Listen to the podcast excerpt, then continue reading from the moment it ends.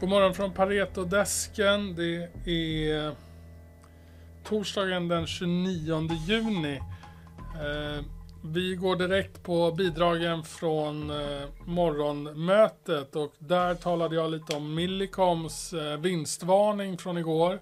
De vinstvarnar på fri kassaflödesgenerering under en treårsperiod, 22 till 24. Det är en, en target som de annonserade på en kapitalmarknadsdag i början av februari eller i februari 2022. Så det är en, en guidning som har funnits länge. Man sa att då att man skulle generera ett totalt fritt kassaflöde till aktieägare på mellan 800 miljoner och en miljard eh, dollar. Och det där reviderar man nu eh, till minst 500 miljoner.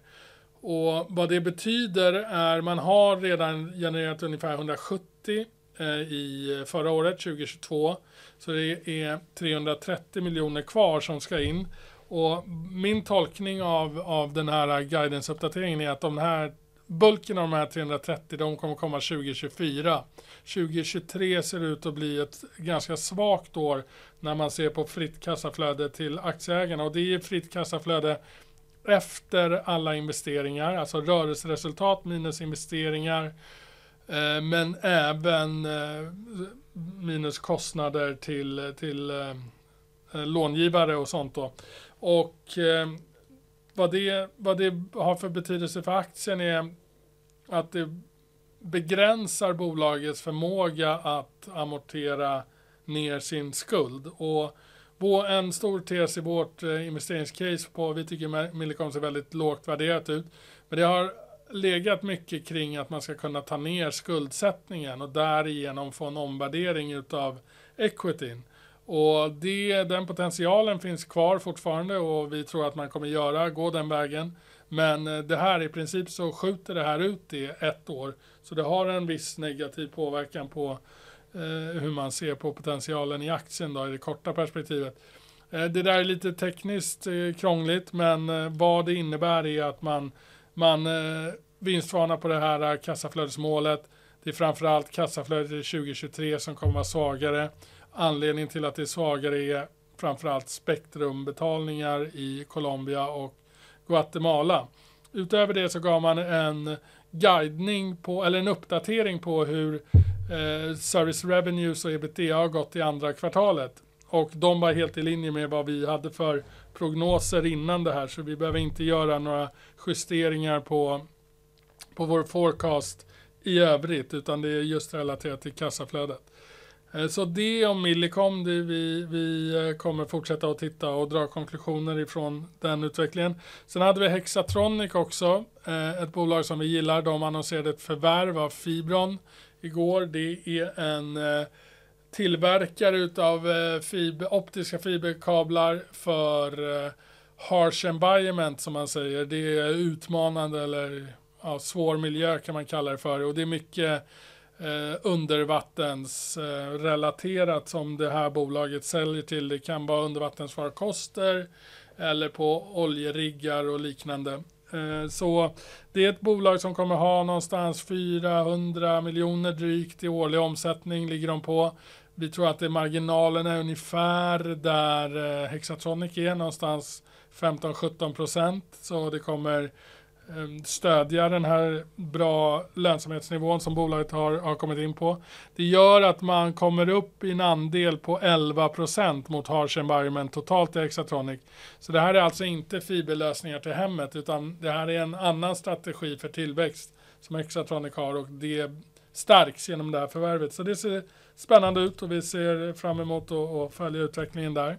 Eh, man kan säga att det här, man kan läsa det som en ganska, en signal om att Hexatronic är tillfreds med sin utveckling i övrigt och att kassaflödet går bra och att de känner att de har de muskler de behöver för att göra, fortsätta på förvärvsresan. Och implicit så, så är det en ganska bra signal att ha inför både Q2-rapporten som kommer men även eh, hur de ser på andra halvåret. Det var allt för mig. Då lämnar vi över till Niklas.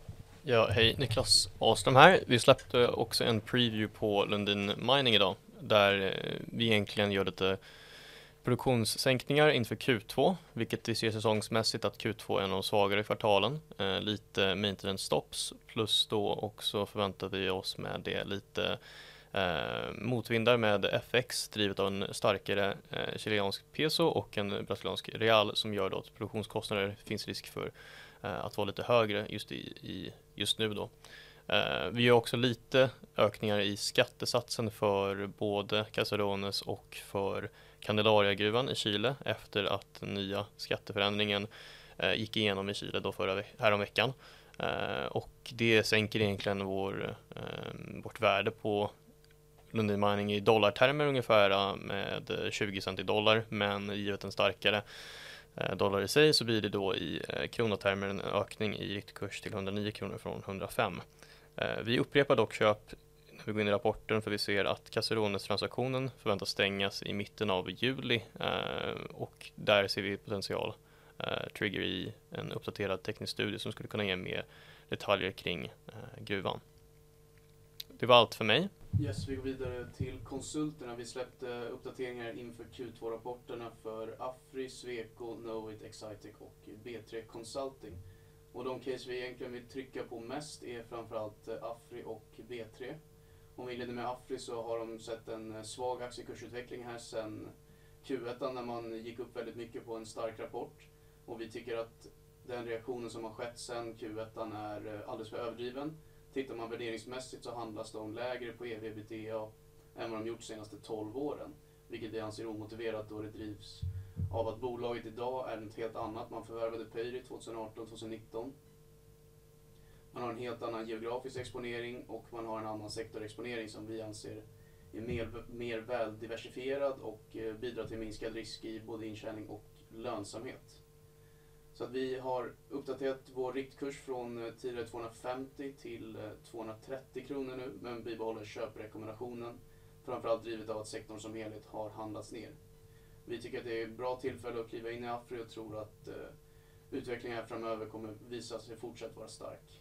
Och det långsiktiga caset är ju fortsatt marginalförbättringarna framförallt inom infrastruktur som, kommer, som vi tror kommer ske här kommande 3-5 åren.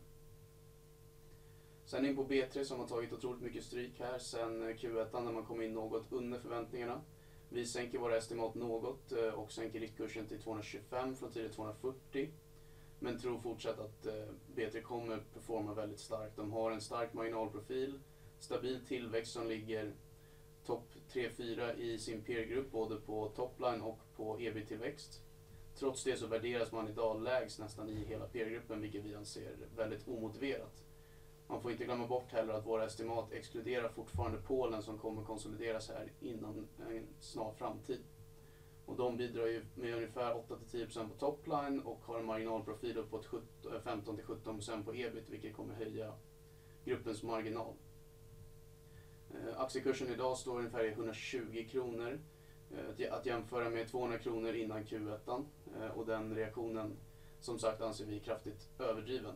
Om man skulle anta att 120 kronor motsvarar en värdering på ev-ebitda i snittet av peergruppen så innebär det en eh, negativ ebitda-utveckling för B3 på ungefär 24 procent 2023, vilket vi inte tror kommer hända. Vi tror snarare tvärtom att ebitda kommer fortsatt växa stabilt.